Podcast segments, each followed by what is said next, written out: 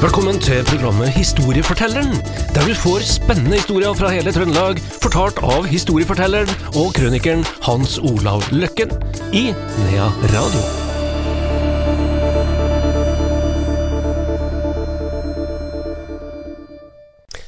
Velkommen til et nytt program i serien Historiefortelleren. Velkommen til, til deg, Hans Olav Løkken. Jo, takk. takk. Vår historieforteller hver eneste uke her i Nea Radio. Nå skal vi til Meråker, og vi skal tilbake til andre verdenskrig. Vi blir, det blir aldri slutt på andre Det blir aldri slutt. Nei, det er stadig flere historier i hvert fall som dukker opp. Ja, og eh, den her er en historie fordi at den eh, Jeg la den litt på meg, for at du kom veldig eh, tett inn på familien. Eh, og fikk høre ting som du kanskje ikke har tenkt så veldig mye over sjøl, og som jeg har eh, Vil ikke si det ble tona ned, men jeg har omtrent eh, blitt holdt i skjult, altså, som jeg skal komme litt inn på. Men vi skal ta først ei lita setning. Og det var da setninga som han Rasmus Skjerpe plutselig sier. Han sier følgende Det må være måte på elsking også, sønn. Og det er da et svar han gir til presten, for presten har da kommet til familien med budskap om at de har mista sin tredje sønn. Det var tredje gang presten kom hjem og fortalte at de har mista en sønn som agenter, kan du si. Ble tatt av Tyskland, og, og, og, og han her hadde tredje sønn, og da hadde presten åpna med et bibelord. Så presten sier, og vi vet, vi vet jo navnet på ham, men vi kan jo la, la det ligge nå, men presten han sier Herren refser den han elsker. Herren refser den han elsker, og da sprakk det for faren han Rasmus Skjerpe, og da sier han altså, det må være måte på elsking også. Han var en direktetalende fyr, den her Rasmus Skjerpe som kom fra Jæren, han og kjerringa. Han eh, ble trøndere omsider, ble eh, banevokter, jobba på jernbanen og Meråkerbanen og slo seg ned i Gudo. Og eh, i 2006 så eh, fikk jeg prate med dattera og Eli. De hadde da altså noen sønner, og så var det ei datter. Og Eli hun bodde bare noen få hus bortafor meg. Jeg fikk lov til å besøke henne både én og to ganger, og hun prata om deres liv, og da hun mista brødrene sine, og hva som skjedde med dem i Sverige, og så videre og så videre. Og eh, det var eh, en litt spesiell samtale, fordi at hun og Eli døde bare noen få dager etterpå. At jeg hadde den siste samtalen. Jeg skulle jo besøke henne igjen, og ble eh, godt kjent med sønnen hennes, som en eh, Bjørn, da. Bjørn eh, Trøyte, og i Rennbue, politiet. Kjørte han ved UP den gangen, husker jeg, og søstera hans, da, Olaug, hun bor jo på Oppdal, da. Og de syntes jo at det var fint at jeg ville bry meg om den familien som har lidd så mye, som vi da skal fortelle litt om, da. Han eh, Rasmus, da, faren, han eh, var veldig sånn eh, med nasjonale følelser. Spilte Ja, vi elsker, så sto han, han beint opp i stram gi vakt helt til siste tone. Han eh, gikk på en måte inn i litt sånn motstandsbevegelse. Han eh, Ikke bare han, men altså hele familien. Så de eh, smugla noen sånne mikrofilmer og litt sånn, da, via noen sylindere og oppi tenderne på lokomotivet, og for han var, drev jo med lokomotiv og alt det der, man hadde jo kontroll på, opp til Storlien. Men eh, de ble nok oppdaga, for det begynte plutselig å begynne å brenne litt under der. Og eh, han eh, Rasmus er jo da faren, da. Oline er mora. Og så har de da også en sønn, da, som heter Rasmus, som også jobba på jernbanen. Han er også engasjert inn i den samme motstandssystemet. Så hadde vi en sønn som het Olav, og han dør bare plutselig. Han er nettopp gifta seg, får ei datter som heter Ellen Marie, da født eh, i, i 1941.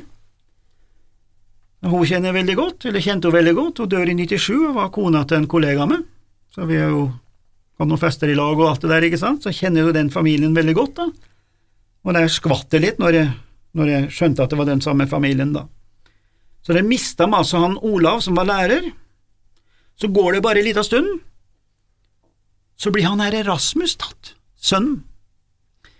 Da er de i Trondheim by og skal tilbake med toget, og han skulle kjøpe billett og se og, og, og, og uh, forloveden til en bror osv., og så videre, som står med billettene, og da ser de fra kupeen at det kommer to borten og tar den, og de vil jo aldri se han mer. da. Der ble den tatt. Og han eh, visste dem ingenting om, fordi at straks etterpå så kom det en melding via et system om at det var best for dem også å stikke over grensen. For nå begynte familien å bli innringa blant negative kontakter og alle de her som var ute etter det. Så familien, de eh, bestemmer seg å dra fra Gud, da, og skulle da komme seg over svenskegrensa. Og da fikk de en eh, Martin Lundemo, da, som var far til en Lundemo som er bestefar til en Hallgeir i dag, da, her, til å kjøre dem eh, innover mot Færen, for der hadde de ei hytte som het Kolbotn, og årsaken til at hytta het Kolbotn var jo nemlig at uh, på morssida det var, var tremenning med Arne Garborg, Arne Garborg og Kolbotn henger jo sammen, så de dro jo dit først, og så kom de seg over til Sverige, da, og Rasmus senior han fikk da jobb ved legasjon, og de er jo der ganske lenge, og det er der de da er samla, da de eh, plutselig leser i en sånn i Østersundposten at deres sønn, som også da het Rasmus, som jeg fortalte ble tatt i Trondheim, at han var, var, var skutt på Falstad. De, de, leser det altså faktisk talt i en dagsavis i Sverige, at de har mista sønnen sin, som ble skutt på Falstad. Så Oline hun la seg omtrent bare ned, men, eh, men eh, han Rasmus, faren, da, eh, husbonden, han dro henne opp igjen fra senga og sa at vi må gå videre, vi må gå videre. Og så er det en Pål, da, den andre sønnen deres. Nå har de mista to, først en Olav, så mista de en Rasmus, som ble skutt på Falstad. Så har de en Pål som ble med over til Sverige. Han klarer å komme seg til England, og går inn da i Linge-gruppa, og kommer med som sabotør i lag med Peter Deinbold, da, som er ganske kjent i forbindelse med Tamshamn-sabotasjene på Hjortdalen. Det var jo ganske stor sak. Peter Deinbold, som leda dette, han eh, forsvant jo på en flytur. Ble jo borte. Han var forresten en av de mest dekorerte norske soldater gjennom tidene. Så de skulle da holde på der oppe med Tamshamnbanen, og de bodde da oppe ved Hølonna, mellom Hølonna og Håvind, som en slags base for også da angripe mot Orkdalen som sabotører. Så hadde de snakka med en fyr, det var noe om å gjøre å få tak i noe mat, og de, de skal jo være såpass smart at de må sjekke ut hvem de snakker med, men det har gått litt for fort i svingene, så han som skulle ordne mat til dem, var en litt sånn løsmunna fyr, som hadde da prata litt i Orkdalen, og dermed så fikk jo folk rede på det, og han var, skulle krysse ei elv en dag, han her Pål, og der dukka det opp to stykker. Det var lensmannen oppe i, oppe i Gauldalen og en til som eh, tok en Pål, ble arrestert, havna da på Misjonshotellet, og eh, der ble han eh, torturert, og han ble der utrolig lenge, og det er det som er så rart.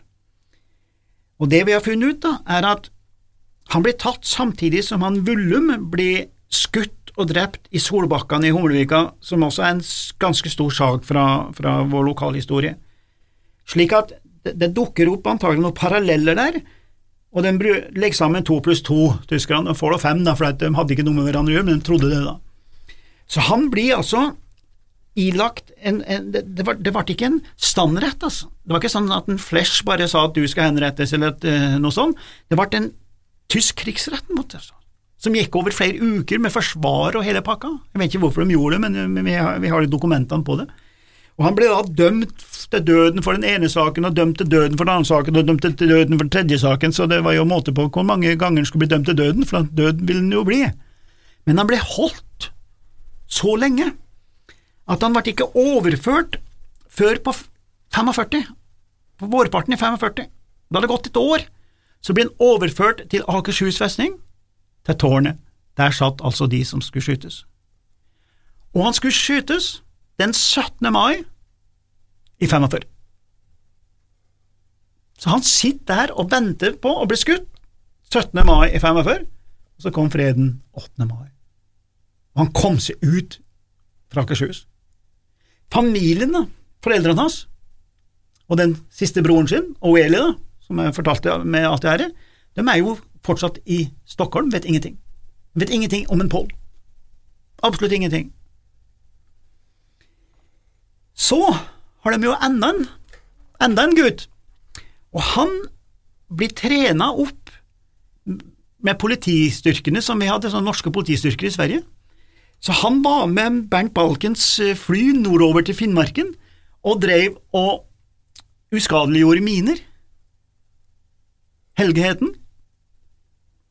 Og han Helge, skjerpe der, han hadde da en fridag der oppe. Dette er altså på vårparten, freden har ikke kommet, men det er altså straks før, bare noen få uker før freden. Så hadde han en fridag, men han hadde liksom ikke noe å gjøre. Så han ble med troppssjefen som, som, skulle drive en demonstrasjon hvor han skulle eh, frigjøre miner og uskadeliggjøre dem. Og han eh, troppssjefen, eh, Are Lima, sa nei, Helge, du tenker bli med, for du har jo fridag i dag, må du gå den tur, eh, gå en jakttur inn på Finnmarksvidda eller noe sånt, for det var på Finnmarkene. Men han Helge, nei, han hadde ikke noe å gjøre, så jeg blir med og ser på dette her. Det skulle han aldri gjort, for den mina gikk da og tok med seg flere av folk, og han ble jo drept da. Så der mista han da fjerde, nei, tredje, tredje gutten sin, og det var da presten kom og sa Herre, det der med å elske. Og der sitter de da, i Stockholm, vet ingenting om han Pål, før han da dukker opp med en gang freden er, så kommer han over til Stockholm og finner foreldrene sine, og da har Oline sagt at liksom, når han tok opp, så har Oline sagt noe som så at uh, jeg aldri trodd at jeg skulle få se det, for nå har jeg mista alle de andre. Jeg mista altså tre stykker. Og Eli, da. Og Eli, hun tok sykepleierutdannelse når hun var i Sverige, men hun fikk ikke den godkjent. Men når hun kom tilbake til Norge, så ble hun kommandert til å stelle noen andre, noen tyskere og en del andre, og det nekta hun. Når hun ikke engang har fått godkjent den i Sverige, så skulle hun sannelig ikke gjøre noe her heller. Og hun, Eli, oppegående dame, fantastisk dame som jeg besøkte og som døde bare noen dager etterpå, hun forteller meg hvor mye mobbing det var i Sverige. Nordbaggerne. Nordbaggerne. Jeg har hørt noen rykter om det, skjønner du, at det er noen som har pratet om at forholdet var ikke så godt som man vil ha det til, og det var mange nordmenn som var i Sverige som ble virkelig mobba. Og hun sa det at hele livet så har jeg hørt det her din jævlige nordbakker. Og det har gått så innpå at hun sitter og forteller meg det noen få dager før hun dør. At det var så fælt å være der, mens vi er lært opp til å tro at det var så bra, og at vi var så bror og søster, og at svenskene var så grei og alt mulig, mens hun sier det motsatte. da. Men det er jo hennes utsagn, selvfølgelig, det kan jo være dem som har opplevd noe annet. Men hun var bitter inneslutta, og har plagdes med ordet nordbaggerne hele livet. Det er det siste hun forteller meg, og så dør hun.